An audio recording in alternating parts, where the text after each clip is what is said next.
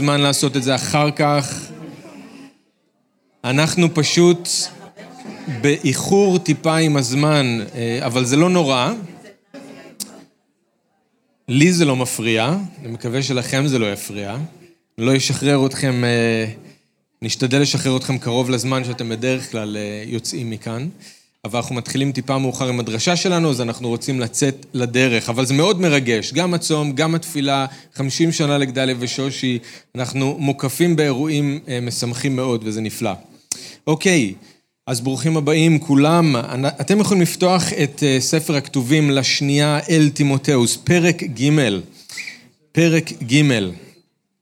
ואנחנו מסיימים את פרק ג' היום, אה, ואם אתם אה, זוכרים, בספר הזה יש רק ארבעה פרקים, אז פרק ד' הוא הפרק הבא והאחרון, אנחנו מתקרבים לסיום של הסדרה. אני, אנחנו מגיעים לקטע שהוא מאוד מאוד חשוב, ויש לגביו הרבה מאוד דיונים, הרבה מאוד התייחסות בעולם של הכתובים, התיאולוגיה, הפרשנות, אנחנו לא ניכנס לזה הערב, אבל אני רק אומר שתדעו, הקטע הזה הוא חשוב, אני אגיד משהו לגבי זה, אבל אני רוצה שנשים את הקטע הזה בתוך הקונטקסט של מה שדיברנו עליו עד עכשיו. אז אם אתם זוכרים, בשבוע שעבר, אז סטפן דיבר על הקונטרסט שיש, או הניגודיות שיש, בין טימותאוס לבין כל שאר האנשים ששם באפסוס מסביבו. זוכרים ששאול אמר, האנשים האלה שמסביב לסטפנוס, לסטפנוס, לטימותאוס שמה, הם בעצם כלים לקלון. הוא אמר שהם לכאורה בעלי יראת שמיים, אבל בעצם הם רק מנצלים את האמונה כדי להתגנב וכדי ללכוד את החלשים. אלה אנשים שמשתמשים בעצם בשם של ישוע כדי לנצל אותו לצרכים שלהם. אבל אז יש לנו את הניגודיות, את הקונטרסט עם טימותאוס ועם שאול, הם אומרים בדיוק ההפך, ישוע, תנצל אותנו לצרכים שלך, נכון? וראינו שהם מוכנים ללכת עם זה עד הסוף, עם הרדיפות ועם הסבל, לא משנה מה בא עליהם, הם ממשיכים. אז שאול כל הזמן אנחנו רואים מזכיר לטימותאוס, יש אותם ויש אותך. אתה שונה מהם, אתה לא כמוהם, אתה שייך לאדון, ואתה כבר הוכחת את זה באיך שהתנהגת עד היום. עכשיו, כולנו צריכים, אמרנו, לזכור את זה, בגלל שכל מי שרוצה לחיות חיי חסידות במשיח ישוע, הוא ירדף. כל מי שרוצה, לא רק שאול ותימותאוס, אלא כל מי שרוצה לחיות חיי חסידות, ירדף. וגם לנו יש היום ויהיו בעתיד אנשים מסביבנו שהם בדיוק ההפך. הם לא רוצים לחיות חיי חסידות, אנשים רעים ומדיחים, שרק מגבירים את הרוע שלהם ככל שהזמן עובר. אם אתם זוכרים, ישוע גם דיבר על, העניין הזה עם התלמידים שלו, למרות שזה לא היה להם מאוד מובן בהתחלה. הוא אמר שיש את העשבים הרעים ויש את העשבים הטובים שגדלים ביחד באותו זמן עד הקציר. יש את הרשת שהושלכה לים והיא אספה אל תוכה מכל מין, עד אותו יום שצריך להעלות אותה מהמים ולמיין את הכל.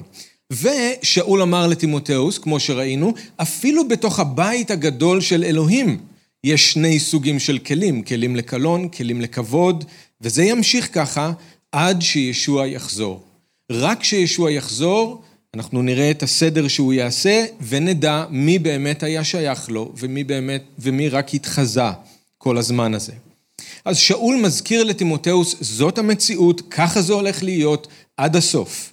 וככל שהזמן עובר, זה ילך ויעשה קשה יותר. אז תזכור, אתה לא כמוהם, אתה שונה. אל תיפול בפח שלהם, תעמוד יציב באמונה. עכשיו השאלה זה איך תימותאוס יכול לשרוד כזה קרב, כן? איך הוא יכול להשלים את המרוץ כשיש כל כך הרבה מכשולים בדרך? איך הבית שלו יישאר עומד כשמכים בו כל כך הרבה גלים? אני לא חושב שאני צריך להגיד לכם עד כמה השאלה הזאת היא רלוונטית גם לנו, ואולי אפילו יותר מתימותאוס, כי הזמנים שלנו הם הזמנים הקשים ששאול אמר שעוד יבואו, אנחנו חיים בהם. השאלה הזאת עוד יותר רלוונטית לנו, איך אנחנו נשרוד כזה קרב? איך הבית שלנו יעמוד עם כאלה גלים שהודפים בו עוד פעם ועוד פעם? אז השאלה שאלה לתימותאוס ולנו, איך עומדים בתוך הסערה הזאת? איך מחזיקים מעמד עד הסוף? בקטע שאנחנו נלמד היום ובקטע שאנחנו נלמד עוד שבועיים, אנחנו נראה שיש רק דרך אחת, רק דרך אחת, לשמור על עצמנו ולשמור על הקהילה, במיוחד באחרית הימים, וזה על ידי דבר אלוהים. מי שיחזיק מעמד עד הסוף, הוא רק מי שיחזיק בדבר עד הסוף. מי שיחזיק מעמד עד הסוף זה מי שיחזיק בדבר עד הסוף. דבר אלוהים זה מה שיציל אותנו, דבר אלוהים זה מה שיציל את הקהילה. היום אנחנו נראה איך זה מתייחס באופן אישי לטימותאוס ולנו, ובעוד שבועיים לקהילה. אז אם אתם רוצים לעקוב איתי, אני קורא מפסוק 14, בשנייה לטימותאוס, פרק ג'. אבל אתה, ואתם זוכרים שיש כאן עוד פעם את הקונטרסט או את הניגודיות הזאת, נכון? אבל אתה, עמוד בדברים אשר למדת ואשר מצאתם נכונים, שהרי יודע אתה ממי למדת. ומנעוריך אתה יודע את כתבי הקודש היכולים להחכימך לישועה על ידי האמונה במשיח ישוע. כל הכתוב נכתב ברוח אלוהים, ומועיל הוא להוראה, לתוכחה, לתיקון, לחינוך במעגלי צדק, למען יהיה איש האלוהים מושלם ומוכשר לכל מעשה טוב. אז אבא, אנחנו נותנים לך את הזמן הזה, אנחנו באים לשבת לרגליך ולשמוע את הדבר שלך. אנחנו מודים לך על קטע כזה חשוב, ואנחנו מודים לך שאתה גם שוב, עוד פעם, אתה מצייד אותנו במה שאנחנו צריכים כדי שנוכל להחזיק מעמד עד הסוף. תן לנו אוזניים לשמוע, תן לנו עיניים לראות, תן לנו לב שמבין ויודע לחזור בתשובה, יודע להיכנע לך ולמצוא רפואה. אנחנו מבקשים שתפעל ברגעים האלה שיש לנו ביחד עכשיו, בשם ישוע. אמן. אלוהים בחר שדרך הדבר שלו הוא יושיע אותנו, ודרך הדבר שלו הוא גם יבגר אותנו. זאת אומרת שדבר אלוהים אמור לשאת אותנו מההתחלה ועד הסוף. ובגלל זה זה קריטי שאנחנו נדע להחזיק חזק בדבר אלוהים, במיוחד בימים שלנו. ואנחנו צריכים להיות עם עיניים פקוחות. יש סכנה, יש מתקפה תמידית על דבר אלוהים.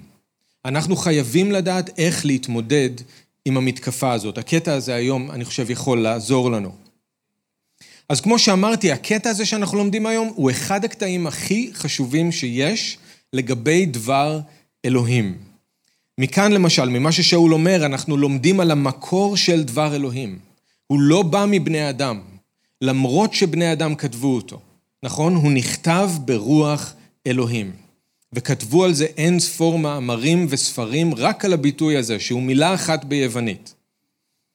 אנחנו גם לומדים כאן על הסמכות של דבר אלוהים בחיים שלנו. הוא לא רק נועד להושיע אותנו, הוא גם מחנך אותנו, הוא מוכיח אותנו, הוא מתקן אותנו והוא מכשיר אותנו לכל מעשה טוב. זאת הסמכות של דבר אלוהים בחיים שלנו.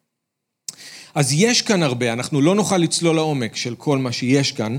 אני רק רוצה שנסתכל על שלושה דברים ששאול אומר לטימותאוס לגבי דבר אלוהים, שאנחנו גם כן חייבים לשים לב אליהם טוב, כדי שאנחנו לא נאבד את האחיזה שלנו בדבר אלוהים ונוכל להחזיק מעמד עד הסוף. טימותאוס היה צריך לשמוע את זה אז, אנחנו צריכים לשמוע את זה היום. אז שלושה דברים שאנחנו צריכים לדעת, שלושה דברים שאנחנו צריכים להיזהר מפניהם, לא לאבד את האחיזה שלנו בדבר אלוהים. מוכנים? דבר ראשון, אנחנו צריכים לדעת שדבר אלוהים לא צריך שאנחנו נעדכן אותו או נוסיף עליו שום דבר, אלא פשוט שנעמוד בו. אנחנו צריכים להיזהר שאנחנו לא קונים את השקר שדבר אלוהים הוא כבר לא רלוונטי. או שדבר אלוהים הוא לא מספיק.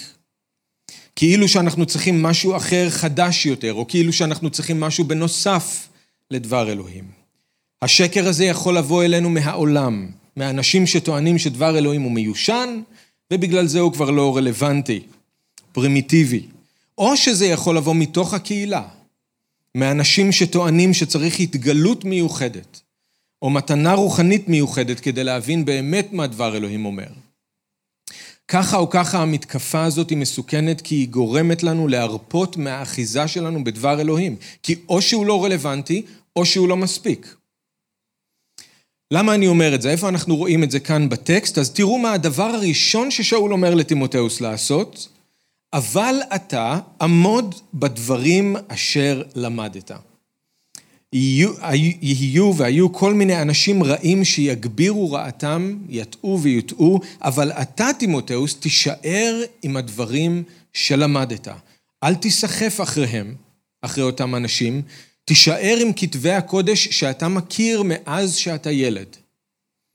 תלמד לאהוב את דבר אלוהים הישן והטוב ולהוקיר אותו, ולא לחפש כל מיני התגלויות חדשות. לא חסר לך כלום. אתה לא צריך לגלות משהו חדש. אתה פשוט צריך לעמוד במה שאתה כבר יודע. יהודה באיגרת שלו, פסוק שלוש, הוא אומר את אותו הדבר. הוא אומר שנאור בו הצורך לכתוב אליהם ולהאיץ בהם, להילחם למען האמונה שנמסרה אחת ולתמיד לקדושים. למה? כי התגנבו אנשי רשע אל תוך הקהילה והם מסלפים את האמונה ואת הדרך הישנה והטובה של האדון. אנחנו צריכים להיות מוכנים להילחם על הדרך הישנה והטובה. האמונה הזאת שנמסרה פעם אחת לקדושים. אנחנו צריכים לעמוד במה שאנחנו כבר מכירים, במה שאנחנו למדנו ושמצאנו שהוא נכון. ואני אומר לכם, זה הולך להיות הקרב שלנו, של הדור שלנו, של החיים שלנו, של הזמנים שלנו. זה כבר, אבל זה הולך להיות המלחמה של החיים שלנו יותר ויותר. העולם יעשה כל מה שהוא יכול כדי להזיז אותנו מהדרך הישנה והטובה ולשכנע אותנו להצטרף למה שהוא קורא קדמה. וככה לגרום לנו להתפשר על מה שדבר אלוהים אומר. בשם הקדמה אנחנו צריכים להפסיק ללמד ילדים כל מיני אגדות כמו אלוהים שברא את הבריאה. בשם הקדמה אנחנו צריכים להפסיק להגדיר אנשים בדרך מיושנת של זכר ונקבה. אנחנו צריכים להפסיק להגיד שנישואין זה רק בין בעל לאישה, או שזה חטא בעיני אלוהים להרוג תינוקות על ידי הפלה מלאכותית. בשם הקדמה, כי דבר אלוהים זה מיושן. גם האויב יעשה את שלו, הוא גם יקים יותר, יותר ויותר אנשים בתוך הקהילה, שיבואו עם כל מיני התגלויות חדשות, כל מיני תובנות שכביכול רק להם יש, והם ינסו להזיז אותנו מהאמונה שנמסרה פעם אחת ולתמיד לקדושים. אז האתגר שלנו, כמו של תימותאוס, זה יהיה להמשיך ולעמוד במה שכבר למדנו ומצאנו שהוא נכון.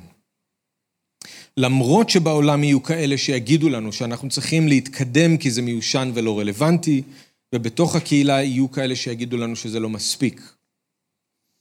אני חושב שאנחנו צריכים להקשיב טוב במיוחד בימים שלנו, למה שאלוהים אמר לישראל דרך הנביא ירמיה, ולהיזהר שאנחנו לא נעשה את אותה טעות. תקשיבו למה הוא אומר להם בירמיה ו' 16. כה אמר אדוני, עמדו על דרכים, וראו ושאלו לנתיבות עולם, איזה דרך הטוב, ולכו בה, ומצאו מרגוע לנפשכם, ויאמרו לא נלך. הם עמדו על פרשת דרכים, והם רצו להסתכל קדימה. ואלוהים אומר להם, תסתכלו אחורה. תחפשו את התשובה דווקא בדרכים הישנות, בנתיבות עולם, ושם תמצאו את הדרך הטובה, שם תמצאו מקור של מנוחה, אבל הם לא רצו. ואנחנו צריכים להיזהר לא לעשות את אותה טעות כמוהם. אנחנו לא צריכים להתבייש להיות אנשים של נתיבות עולם, של הדרכים הישנות והטובות. שם המנוחה שלנו. אנחנו לא קונים את הסלוגנים של העולם.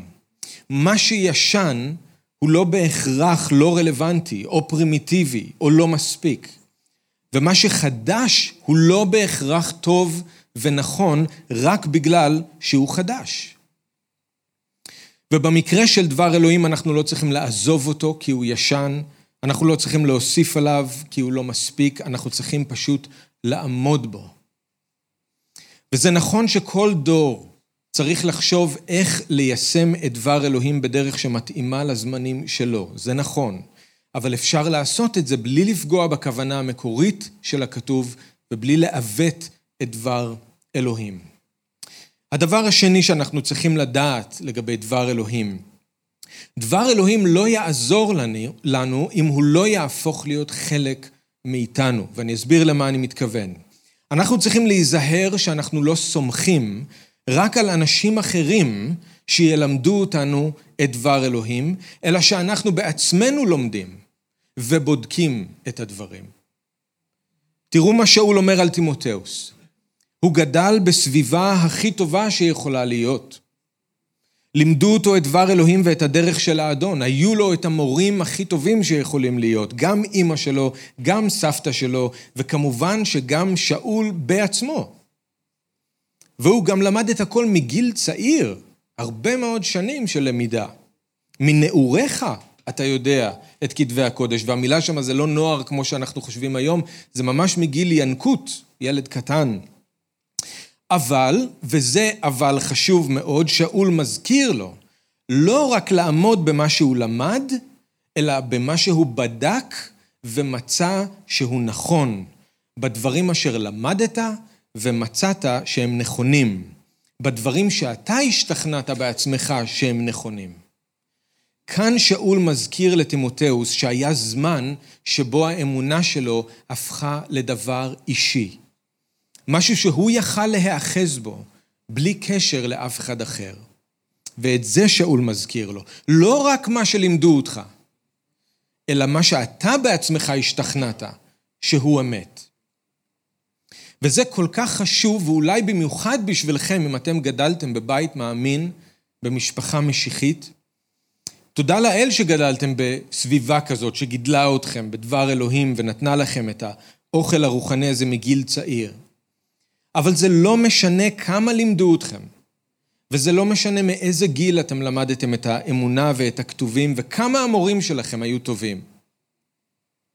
אם אתם היום מחזיקים באמונה ובדבר אלוהים, זה כי מתישהו אתם הייתם צריכים לבדוק את הדברים בעצמכם ולמצוא שהם נכונים.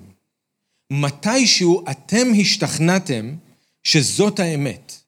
כי אתם בדקתם את זה ואתם מצאתם שזה ככה. בגלל זה אתם יכולים לעמוד היום בביטחון הזה ולהחזיק בדבר אלוהים. וראינו את זה ממש אתמול עם הטבילה שלימור הזכירה וסטפן הזכיר, באמת היה מאוד מרגש. הרוב באו מבתים מאמינים, אבל אף אחד מהם לא נכנס למים בגלל האמונה של ההורים שלו או שלה. אף אחד מהם. הם כולם סיפרו על הדרך האישית שהם עשו איך הם למדו ואיך הם מצאו בעצמם שהדברים האלה הם נכונים. ועכשיו זאת כבר לא האמונה של ההורים שלהם, וזה לא האמונה של מישהו אחר, זאת האמונה שלהם. וזה מה ששאול מזכיר לתימותאוס. לא רק שאתה למדת ומכיר את דבר אלוהים, אתה בעצמך מצאת שהדברים האלה נכונים, אתה יכול לעמוד בהם.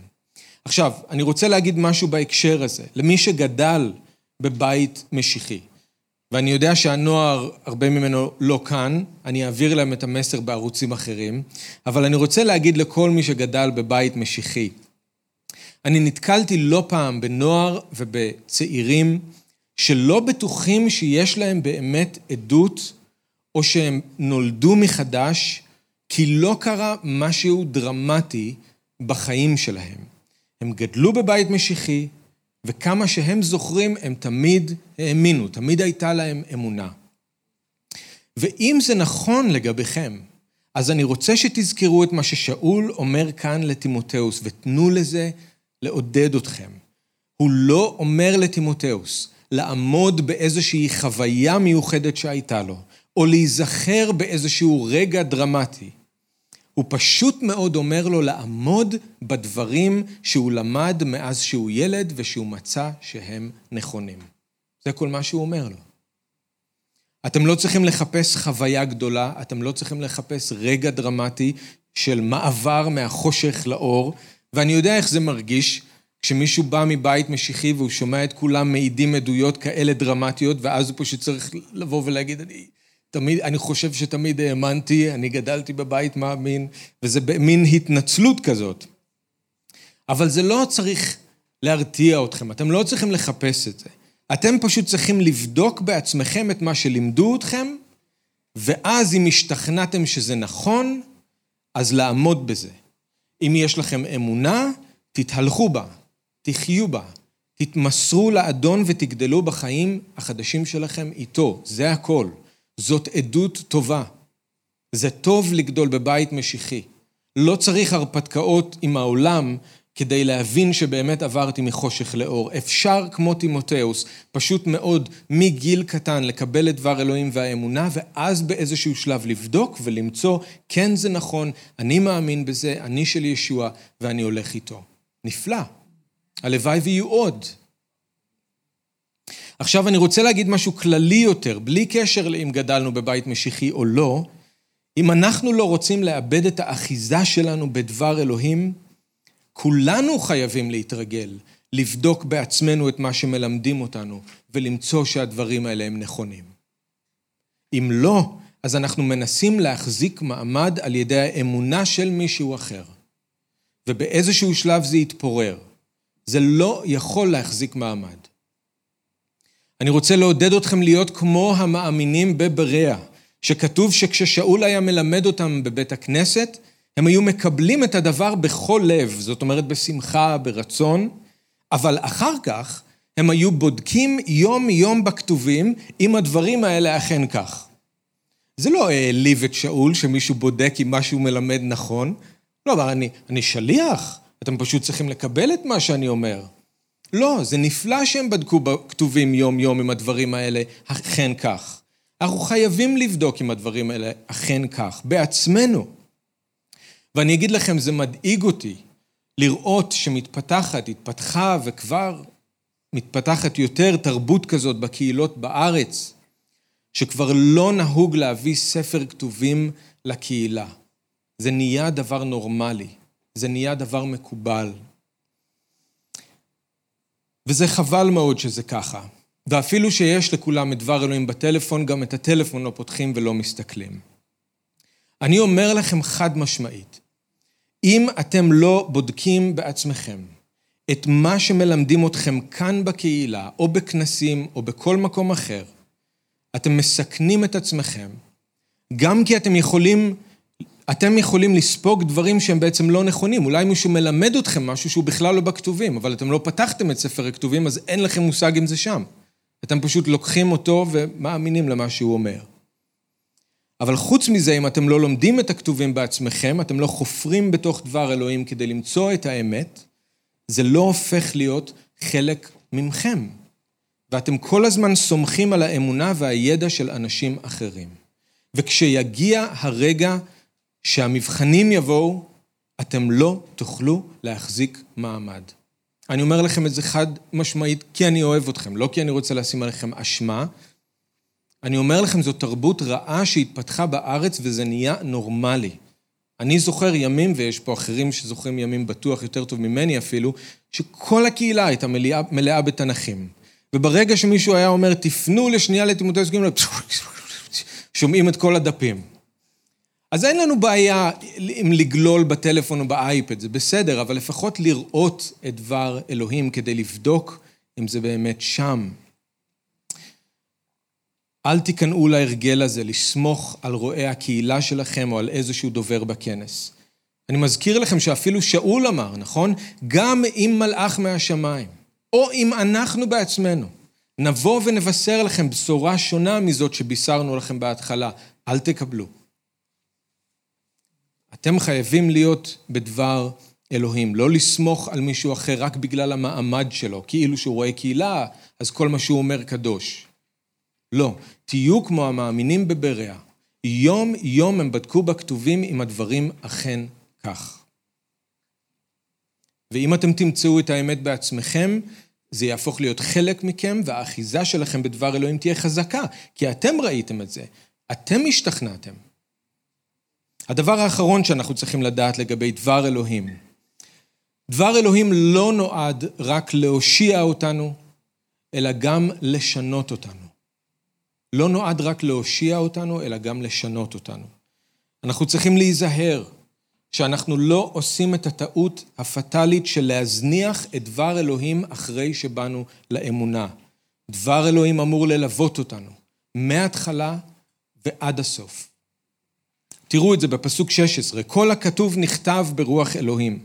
ומועיל הוא להוראה, לתוכחה, לתיקון, לחינוך במעגלי צדק, למען יהיה איש אלוהים מושלם ומוכשר לכל מעשה טוב.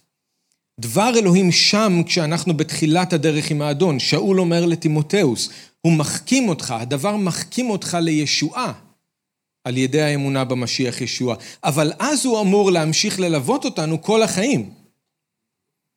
מעבר לישועה, אלוהים רוצה לבגר אותנו ולהכשיר אותנו כאנשי אלוהים. והוא עושה את זה דרך הדבר שלו. זאת הדרך להתבגר, והמילה כאן למושלם היא במשמעות של בוגר ביוונית. להפוך לבוגרים, להפוך למיומנים יותר באדון, בעזרת דבר אלוהים. דבר אלוהים הוא כל מה שאנחנו צריכים, גם כדי להיוושע וגם כדי להתבגר באמונה.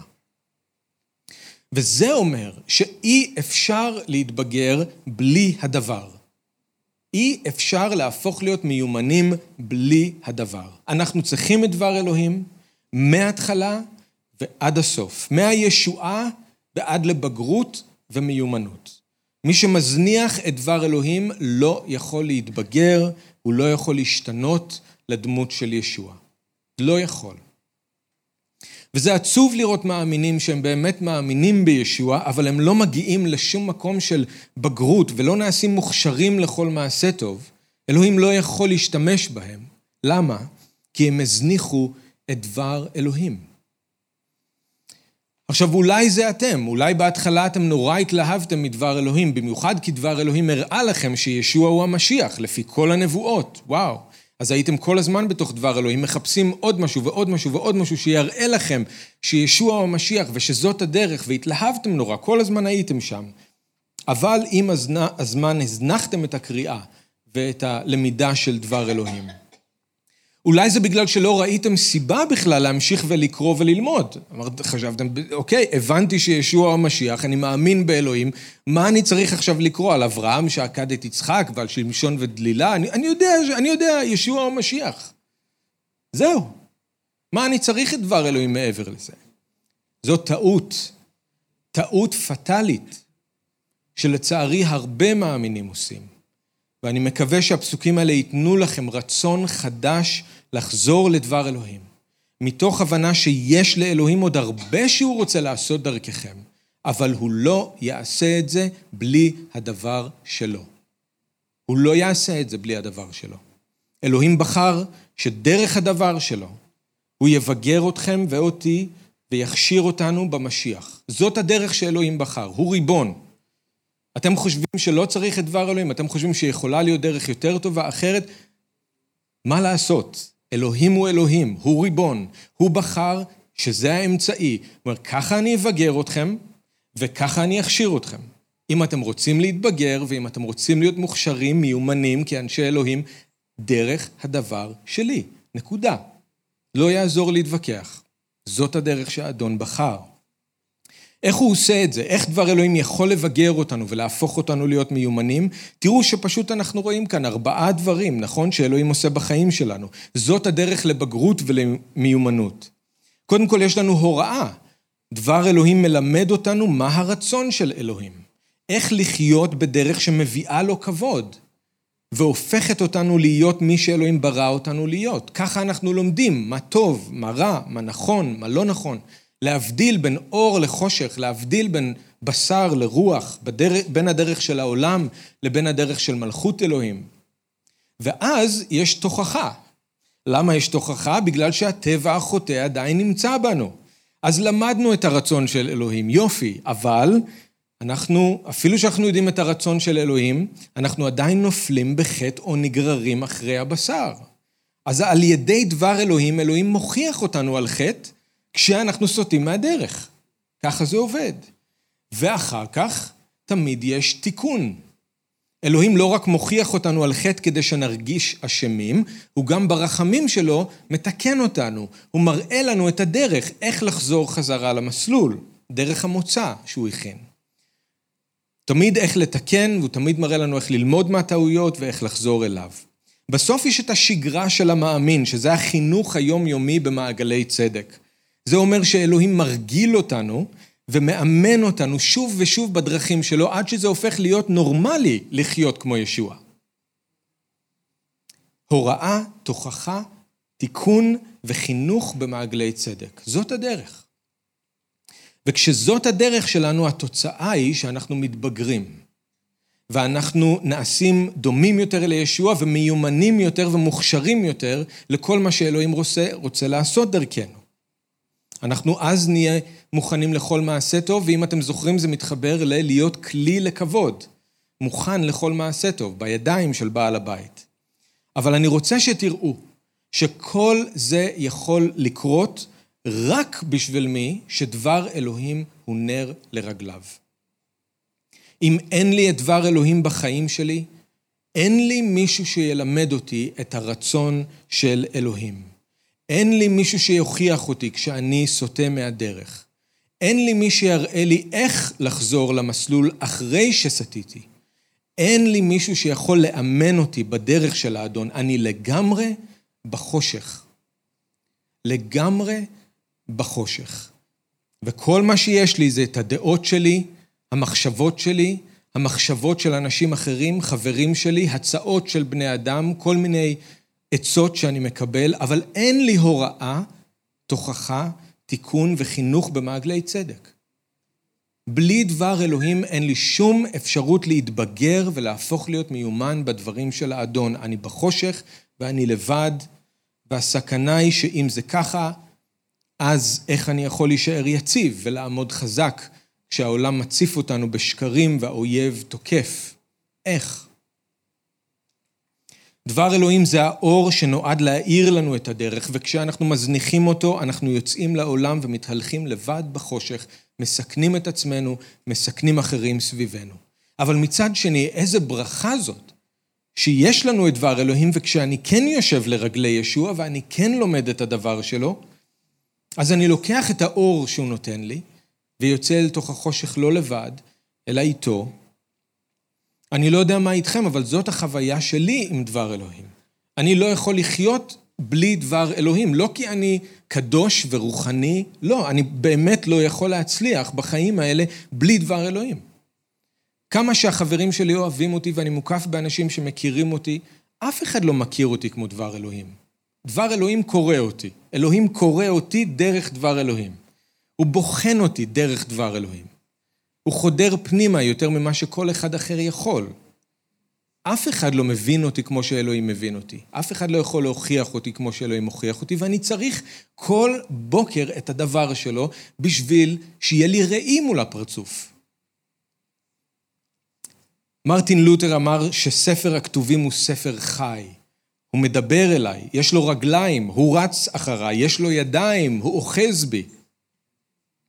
עמנואל קאנט אמר ששורה אחת בספר הכתובים נתנה לי יותר נחמה מכל הספרים שאי פעם קראתי גם יחד. תומאס ווטסון אמר שדבר אלוהים הוא גם ראי שמשקף את הכתמים שעל הנפש שלנו, וגם כלי עם מים כדי להתרחץ מהם. אנחנו חייבים את דבר אלוהים. חייבים. בלי דבר אלוהים אנחנו עיוורים ואנחנו בחושך.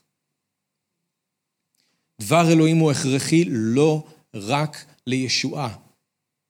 לא רק לישועה, אלא לכל החיים של המאמין, עד שהוא עומד מול ישוע פנים אל פנים. דבר אלוהים אמור לשאת אותנו מהלידה החדשה ועד הגוף החדש. אף פעם אנחנו לא מזניחים אותו. אף פעם אנחנו לא מנסים לחיות בלעדיו. אם אנחנו רוצים להחזיק מעמד עד הסוף, אנחנו צריכים להחזיק בדבר עד הסוף. זה אומר לעמוד בדבר אלוהים כמו שהוא נמסר לנו, אחת ולתמיד לקדושים, ללמוד את הכתובים בעצמנו ולמצוא שזה נכון, שאנחנו מאמינים בזה כי אנחנו השתכנענו, ואנחנו חייבים לתת לדבר אלוהים להמשיך ולפעול בנו עד היום שבו אנחנו נעמוד מול ישוע. עכשיו, בעוד שבועיים אנחנו נראה שדבר אלוהים עושה את כל הפעולה הזאת לא רק במאמין האישי, אלא בדיוק את כל הפעולה הזאת בתוך הקהילה. אז את זה אנחנו נראה בדבר בעוד שבועיים, כשנדבר על דבר אלוהים והפועל שלו בקהילה. אבל בואו נתפלל ביחד. אבא יקר, אנחנו מודים לך שיש לנו אוצר כזה בידיים שלנו, בלב שלנו, הדבר החי שלך. ואנחנו לא רוצים להיות מאלה שמזניחים את הדבר שלך, ואנחנו יודעים, גם השטן רוצה לעשות הכל כדי שלא נקרא, לא נפתח את הספר, לא נקרא את המילים, וגם העולם רוצה להסיח את הדעת שלנו מדברך, אבל רק על ידי דברך אנחנו יכולים להפוך להיות מי שאתה בראת אותנו להיות. דברך טוב גם לישועה וגם כדי לבגר אותנו ולהכשיר אותנו לכל מעשה טוב. עזור לנו להיות אנשים שחיים על מוצא פיך. עזור לנו להיות אנשים שחיים על דברך, כי דברך הוא באמת אוכל לאדם הפנימי. אנחנו מבקשים ממך, אדון, שתעזור לנו, אנחנו בכוחנו לא יכולים לעשות את זה, אבל אנחנו מבקשים שאתה תעשה את זה בתוכנו. ואנחנו בוטחים בך שאתה גם תעשה מעל ומעבר למה שאנחנו מבקשים ולמה שעולה על דעתנו, כפי כוחך הפועל בנו. אמן.